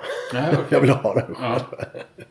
men de två andra låtar. Ja, Och jag var så jävla naiv och eh, trodde att han skulle eh, vilja ha med dem på skivan. Men jag insåg efter ett tag att han ville ju själv komma med musiken till det som skulle vara med. Mer eller mindre. Så att det var inte så mycket musik egentligen som jag eh, kom med och skrev. Det var mer att jag skrev melodier och texter till befintlig musik. Liksom, eller riff och sånt som jag hittade. Så jag kämpade på som fan. Så att jag, jag hade hyrbil och åkte tillbaka till hotellet efter att jag hade jobbat hemma hos honom i hans studio. Och bara låg och drack kaffe och skrev texter och idéer. Och försökte bara vara produktiv och visa hela tiden att jag hade nya prylar. Så att det kom framåt liksom. Ungefär som, eh, som man fortfarande är liksom. Som det är med Prins Svart nu 2020, 2021. Så var det 97 också att man, man bara kände det där drivet att nu jävlar. Jag var också, jag var så där skönt naiv där också att jag Cozy Powell var med liksom. Ja, och jag var ju så jävla Rainbow-fan också. Så att jag var så bara shit, vi har Cozy Powell. Vi har Bacon på keyboard. Vi har Yngve, Barry och jag bara nu jävlar. Nu ska det var ju sådana låtidéer jag hade med Ja. också. Så här mäktiga Rainbow Rising. Men är inte Yngve så inför varje platta? Att nu jävlar, det här Jo, ska vi... jo nej, men det, det kan han nog vara. Fast det ska ändå utgå ifrån hans idéer lite mer. Sådär, Ja, liksom. ja. Men eh, samtidigt så var det. Det var en låt på den här skivan som heter Enemy. Och det kommer jag så väl ihåg att. Uh, det var inte. Det var väl. Cozy var inte där i Miami då. Utan vi var hemma hos Yngve. Och han hade en trummaskin. Och jag kunde lira ganska hyfsat på trummaskinspads liksom. För jag var van vid att göra det. Och då lirade han någon grej som egentligen var stulet antagligen från eh, U- UK liksom. Den här coverlåten han gjorde på Inspirations där. In the Dead of Night eller vad den heter. Typ det riffet han bara spelade liksom. Fast jag visste inte att det var den låten. Så jag satt liksom och markerade med honom. dun, dun, dun, dun, dun. Och sen satt Bacon bredvid och bara spelade. Och sen var det bara spela sin slinga du vet så här. 45 minuter senare så var den låten skriven liksom. Och jag hade melodin och alltihopa direkt. Så skrev jag texten text dagen efter. Så det gick så fort liksom.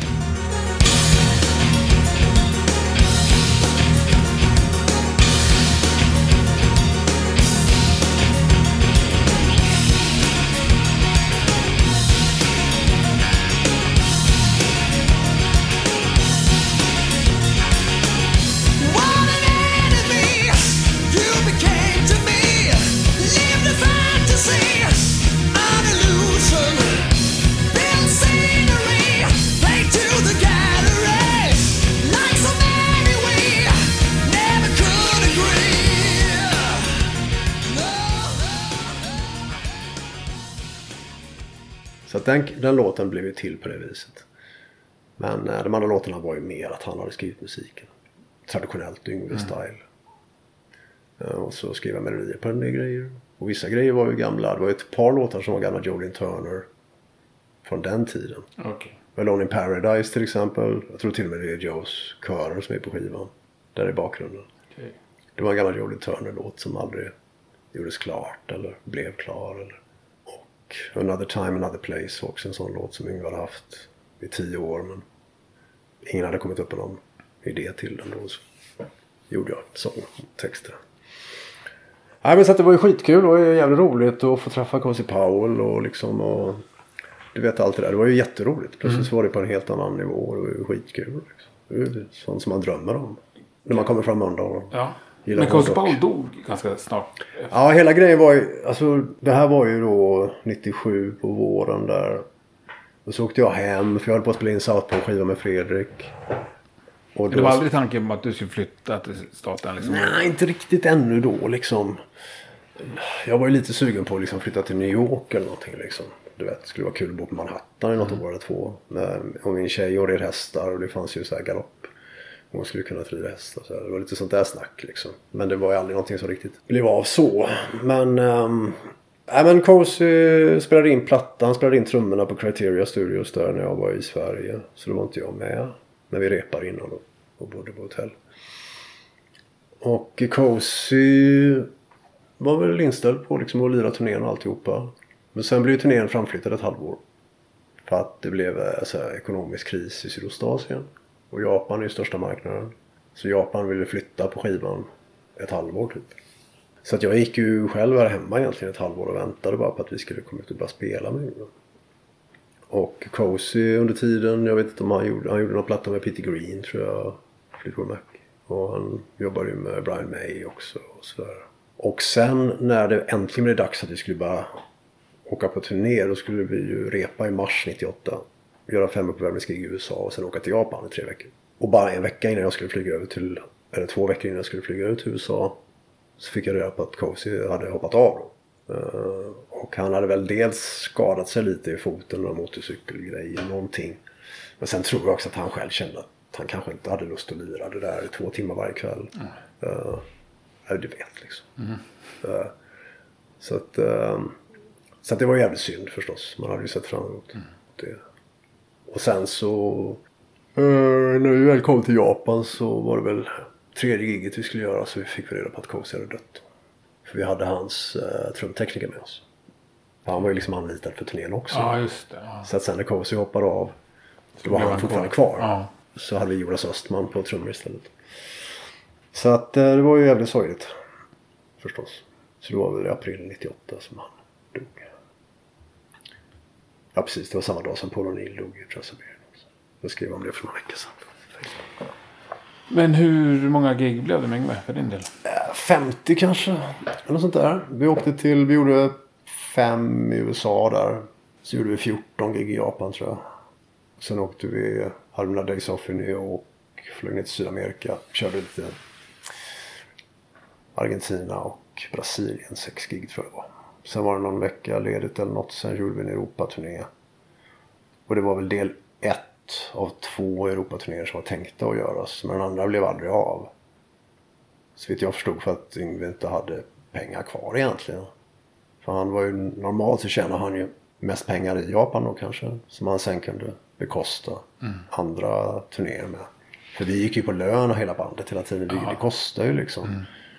Vi kostar ju samma i lön vare sig vi spelar i Japan eller om vi spelar på Bebop i Belgien liksom. För 300 pers.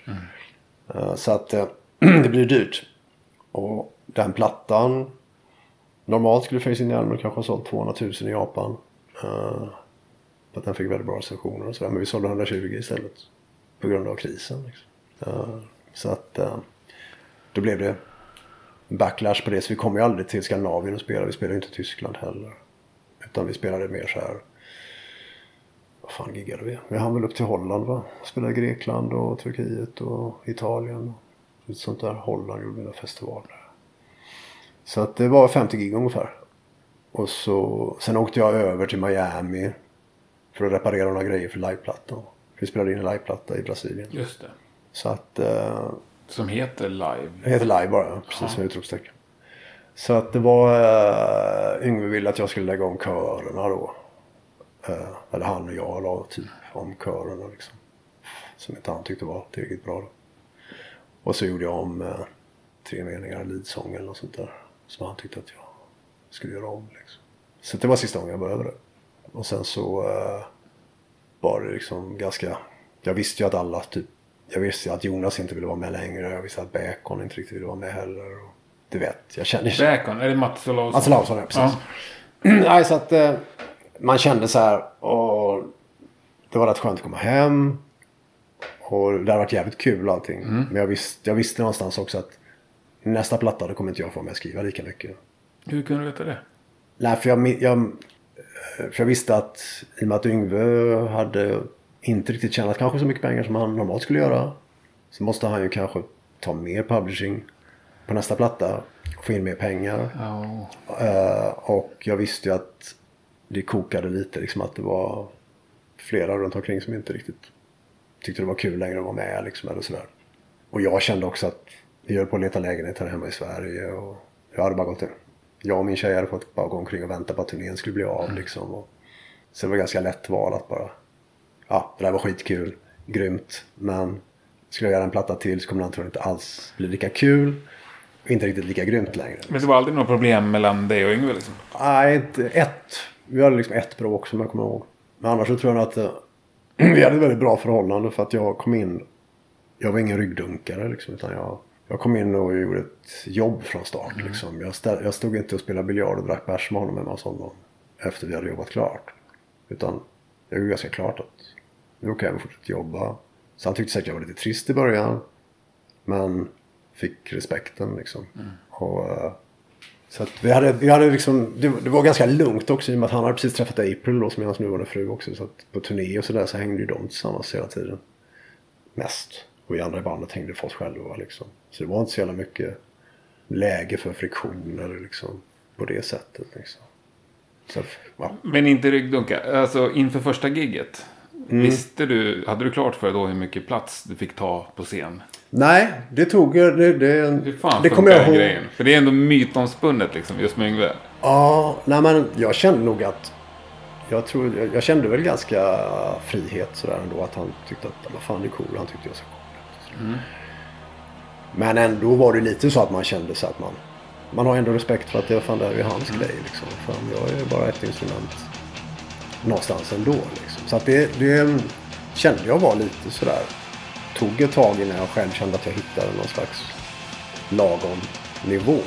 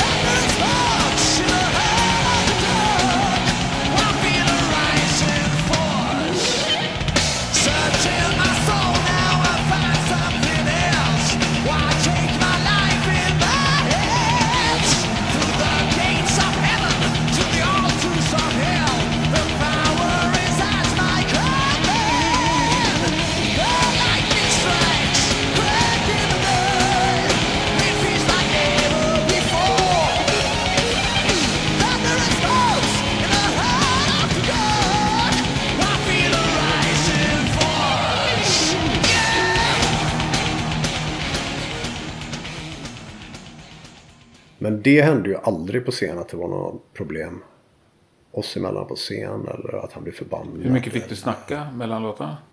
Nej, det fick jag göra om jag, hur mycket som helst som jag ville liksom. Mm. Men gjorde du det?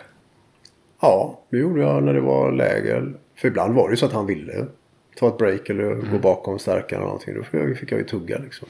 För, för jag vet, jag, på Rising Force tror jag, på den här liveplattan. Då, gör ju du något så här, wow! Du skriker till så här. Okej. Precis i början. Okej. Då känner jag att liksom, att du får en blick. Jaha. Men det kanske du inte får. Nej, Jag hade inte vågat gjort det, liksom. Jag tror att om du har sett liven nu då, DVDn? Ja, det här är bara live-lyssnat. Ah, ja, okej, okej. Ja, nej, det har jag aldrig tänkt på. För DVDn är roligt för att det stämmer inte klippen med det man hör. Det är taget Ah, okej. från andra låtar. Ja. Men man fick göra så liksom? Skrika till lite?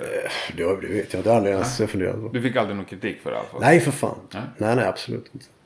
Men fan konstigt att det inte blev något mer då? För han har väl inte haft svinlätt att få tag i bra folk efteråt? Han har aldrig frågat någonting. Nej. Har du, har du hört av honom något? Jag, träff, jag träffade honom på... Jag tror jag, träff, jag, tror jag träffade Yngve tre gånger sedan. Som jag kan komma på nu. På Sweden Rock spelade vi med Therion 2005. Då spelade han samma dag på andra stora scenen där. Så då träffades vi. Och sen så lirade han på Trädgård någon gång i Göteborg. Då var jag där med min brorsa och kollade. Och träffade honom efteråt. Och sen träffades vi på NAM 2008 var det tror jag. I USA. Den mässan där. Men sen dess har jag inte haft någon kontakt med honom överhuvudtaget. Det är inte så många som har haft heller i och för sig. Nej, det har jag förstått. Eh, Men eh, nej, så att jag vet. Eller jag tror att. Jag gjorde ju lite eh, intervju med Anders Tengner för hans bok. Tengan skrev ju en bok. Och jag har den men jag har fortfarande inte läst den konstigt. Eh, Men eh, jag tyckte att jag var ganska. Jag hade inget intresse av att leverera några bilder eller säga någonting sådär. Men nå- andra har ju berättat sen när de läste Yngves bok att han liksom har skrivit dåliga saker om alla som var med i Tengans bok i princip. Liksom. Okej. Att han kör, kör någon slags revanschgrej där. Och jag har inte läst hans bok heller. Så Inte jag heller. Det jag har ingen aning. ja. Jag har ingen aning. Nej. Eh, men eh, det viktiga för mig var att det var, var ju återigen en sån här skitrolig grej liksom. Att få göra. Och det var ju viktigt för mig naturligtvis att göra det rent. Liksom, att synas. Och Framförallt var det bara skitkul. Liksom. Komma. Det var ju min första världsturné. Liksom. Första gången jag spelade egentligen. Runt om i världen. Första gången jag kom till Sydamerika. Det var första gången jag kom till USA när jag började repa med Cozy där. Och jag hade aldrig varit i USA innan. Så det var ju ett äventyr för mig. Nej, det var skitkul. Ja, Verkligen. det kan jag tänka mig. Verkligen. Mm, eh, Men det är den vanligaste frågan man har fått. Det var. Men det, Hur var hur var det att spela med Yngve? Det får man ju förstå. det får man faktiskt förstå. Absolut. Så jag brukar alltid säga att det var skitkul för honom. För det är lite som att du... Det är en haltande liknelse liksom. Men om en fotbollsspelare har spelat i 25 olika klubbar. Sen har man ändå spelat i Barcelona. Så är det ju det Absolut. folk tar upp liksom. Absolut. Nej men fan det är en... Fantastiskt. Jag kommer ju som sagt, jag kommer ju så väl ihåg när jag hörde Yngve första gången. Var jävligt cool att få liksom stå på scen. Mm. bredvid honom. Framför en stor publik som det var i vissa, på vissa ställen. Jag brukar fråga folk vem är den mest musikaliska person du har lirat med? Som jag har spelat med. Ja, innan du svarar på det. Hur upplevde du Yngves musikalitet? Jo, han är ju jävligt musikalisk naturligtvis. Inom sitt gebit. Liksom. Självklart. Och jag hörde ju honom. Vi, vi satt ju och repa lite ibland innan han skulle upp och lägga solon på plattan och sånt som han gjorde hemma. Och då satt jag kanske och spelade lite kompgitarr och han spelade solo till det liksom. Och då kunde han ju spela helt andra grejer. Så här med jazzprylar och, och jag var ju direkt så bara fan det där måste du spela på skiva liksom. Men då märkte man att han, han eh, ville inte det eller han var väl rädd för att fansen skulle tycka att det var fel. Liksom. Medan jag tyckte att vad fan gör du bara på en låt liksom. Det skulle vara skitkul för folk. De skulle uppskatta som fan att höra det. Eh, nu, gick han ju, nu gjorde han ju liksom mycket bluesgrejer och sånt där har han gjort liksom lite då och då. Så, så det har ju folk fått höra. Men även så här lite andra prylar. För han är ju helt grym på att lira liksom. Fruktansvärt. Nej men visst, absolut. Helt grym. Självklart. Utan tvekan. Men det finns ju väldigt många som är alltså på, på andra olika typer av nivåer men som är jävligt. Det finns jävligt mycket grymt folk liksom.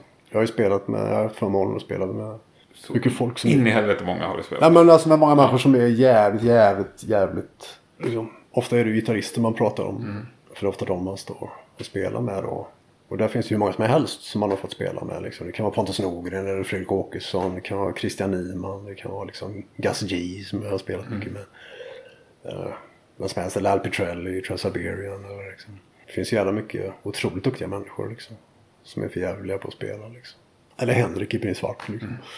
Som är det men klart i slutändan så är det intressanta det är ju faktiskt vad det är man skapar utifrån det man kan. Liksom. Tycker jag ändå. Ja, helt Eh, enig. Och det är det som är lite, ja, det är den känslan man har när man har gjort den här Prins Svart-plattan. Uh, nu ska vi göra det svårt för oss själva här liksom. Nu jävlar ska vi. Nu ska vi göra den största plattan vi har gjort i hela våra liv. Vi kommer aldrig göra en större platta än det här. Liksom. Fan vad kul. Och det säger en del just för det också. Hur många plattor har du gjort? Har- Någon aning har du ju. 40-50 kanske. Men, Som jag har sjungit lead på hela skivor. Liksom. Och det är liksom fördelat på nästan lika många band. Ja, och nej, det är det inte riktigt. Okej. Men på ungefär lika många år kan man ju Det är säga. inte skitmånga band över två plattorna. Eh, Två plattor. Ja, Eller Ga- fler. Gas har gjort två med. Ja. Uh, Yngve med liven kan man ju säga att jag har gjort två. Ja. Så att, men två studioplattor. Men som sagt, jag har inte varit med i så jävla många. Advance, den tyska grejen, gjorde jag två plattor med. det. Ja. Dogface har gjort tre plattor med. Crux har gjort. ja, det var inte med att du behöver försvara. Men jag menar, nej, nej, för du- du fan. har ju- nej, men så är det Du ju har absolut. på liksom. Ja, men så är det ju absolut. Och eh, jag hade ju egentligen en förhoppning tidigt om att, som alla andra, att man vill vara med i ett band liksom. Mm. När jag gick med i Treat så hade jag ju förhoppningen om att fan, Var det här är med ju då. bandet. Och det var den förhoppningen hade jag ju med Candlemass. Verkligen. Jag kände shit. Det här är ju så jävla bra.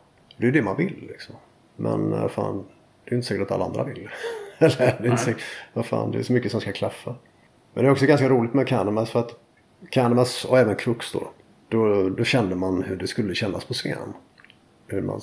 Okej, det är så här det ska kännas. Man ska känna sig. Så här grymt ska det kännas liksom. Så här bra ska det vara. Här är ribban någonstans liksom. Eh, och det första, första bandet som jag kände så med. Det var faktiskt ABCD. ACDC coverbandet. Eh, när vi lirade, när jag började spela med dem. Det var då jag verkligen började uppskatta Bon Scott också. För vi spelade mycket Bon Scott. Liksom. Och då kunde vi känna så. Vi kunde gå av scen. Efter det. Bara ett coverband kan vi tycka. Men det var ett jävligt bra coverband. Och vi kunde komma av scen, stå där med våra bärs och bara titta på varandra och bara. Ah, fy fan vad grymma vi är. liksom. Och vi Jag- kände jag, det. jag fattar, man kan ju skapa magi genom Och vi kände covers, det. Man gör rätt. Ja. Och vi bara såhär, fan. Om det känns så här för oss, hur fan ska det kännas för ACDC när de går av scen? Tyckte vi liksom. För vi bara, vi tyckte bara det var så jävla grymt. Ja, jag. Men då, det jag lärde mig där var liksom att, ah okej. Det är så här det ska kännas. För så hade inte jag känt på något band tidigare. Med alla tidigare band så hade jag känt, och även med Yngve också. Då var det mer att man, man stod ändå liksom och gjorde mer ett, ja, så här ska man vara. Eller så här ska man göra. Du vet, det blev så här lite, lite för posigt på ett sätt liksom. Men där någonstans och sen in i krux kan man säga. Då bara, ja ja. Nu jag hitta mig själv. Liksom. Så här ska det vara. Här ska leveransen ligga liksom. Eller här. Det här, här ska feelingen vara. Åtminstone för mig. Men det är en grym känsla och, Och sen när man- sen eftersträva. Ja. Ja, för sen när man väl har känt den feelingen med någonting. Även om man sen kommer in i något annat sammanhang. Där inte det finns den bandfeelingen riktigt. Liksom, Det är ett annat. Men man ser till att man själv i alla fall försöker ha den känslan. Liksom. Så att eh, det, det hjälpte mig skitmycket den tiden där. Uh, både i Beside men Crux också. Det som fick mig att känna att ah, men nu, nu jag hitta vem jag vill vara lite mer. Liksom. Så det var viktigt. Det tog ett tag. Coolt. Ja, så blir det. Skönt. Så kan det vara. Du, jag hoppas att du känner den känslan nästa gång du står på en scen. Ja, och det är ju också kul med Prins Svart just. Att man, Ja. Det är ju så man känner med de gubbarna också. Det... Och så hoppas jag att det blir ganska snart. Ja, vi siktar på juni. Juni. Juni. Mm. Jag räknar kallt med att vi kommer att lira för 50 pers i juni. Bra. Det var, det var det som var siktet i september förra året. Mm. Det är det som kommer nu. Tanken var att vi ska släppa, vi ska släppa en eh, ny platta åtta månader efter den här plattan. Och den plattan ska vara 80 minuter lång. Det ska vara en dubbelplatta. Och den ska avslutas med en lång progglåt. Liksom. Det var målet. Och nu är ni där. Och nu är vi där. Fan vad fint. så att eh, hoppas folk upptäcker skivan och, och, diggar det liksom och gillar det. Och så, ja men du vet. Och så har vi gjort en trifold sleeve av det och 20 sidor häfte, LP-size och liksom. Det är, bara, det är en stor jävla pjäs liksom. Väger ett kilo. Fantastiskt. Gött! Gött. Gött! Jag önskar all lycka och säger stort tack. För att Tack själv. hit. Yes. Det var eh, skitkul även om det känns alltid lite dåligt samvete när jag pratar så mycket om mig själv. Har du? Men det är kul. Jag har dåligt samvete att vi inte pratar liksom någonting om Therion. Ingenting Ja, Therion, om ja. Vertigo. Ingenting. Ja, ja, nej, Therion var grymt. algebra pratar heller egentligen ingenting om. Nej, men lite pratar vi. Gas G har vi inte pratat om. Nej, jag har faktiskt gjort mycket med gas. Advance nämnde vi bara. Ja. Nej, men eh, det finns. Therion, Får ta en annan gång. Therion tar vi en annan gång. Ja, när jag har förstått. När någon har förklarat storheten med Therion för mig. Ja, men du får lyssna på Gothic Kabbala-plattan som, som vi gjorde. Den är jävligt bra. Mm. Eh, den blev jävligt bra. Jag såg dem i live någon gång på tidigt 90-tal när det var liksom Ja, just det. Precis. Ja, men det har ju varit liksom. väldigt olika. Sen dess, jag, ja.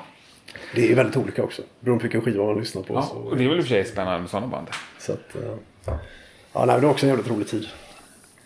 Ja, är det grymt. Men så är det. Nej, tack som fan. Så är. Tack som fan. Skitkul. Trycka på stopp. Ja, det där var väl trevligt. Stort tack Mats för din tid och ditt kaffe. Vilken karriär alltså. Jag är mäkta imponerad. Stort tack såklart också till dig som har lyssnat. Eh, alltid lika trevligt att ha folk med sig här på outrosnacket tycker jag. Nu avslutar vi det här med eh, lite mer Prins Svart. Det här är Vargtimmen från eh, nya plattan Sanning och Makt. Ha det gott, tack och hej! Och så hoppas jag innerligt att vi ses nästa torsdag.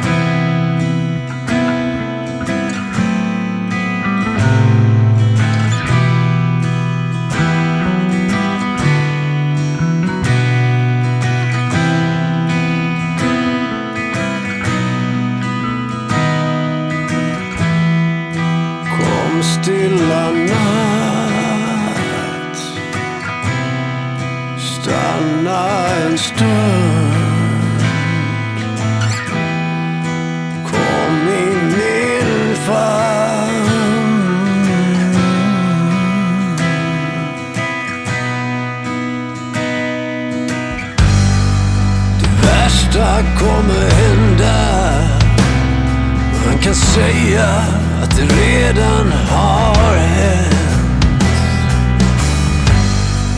Men det jag fruktar mest är nog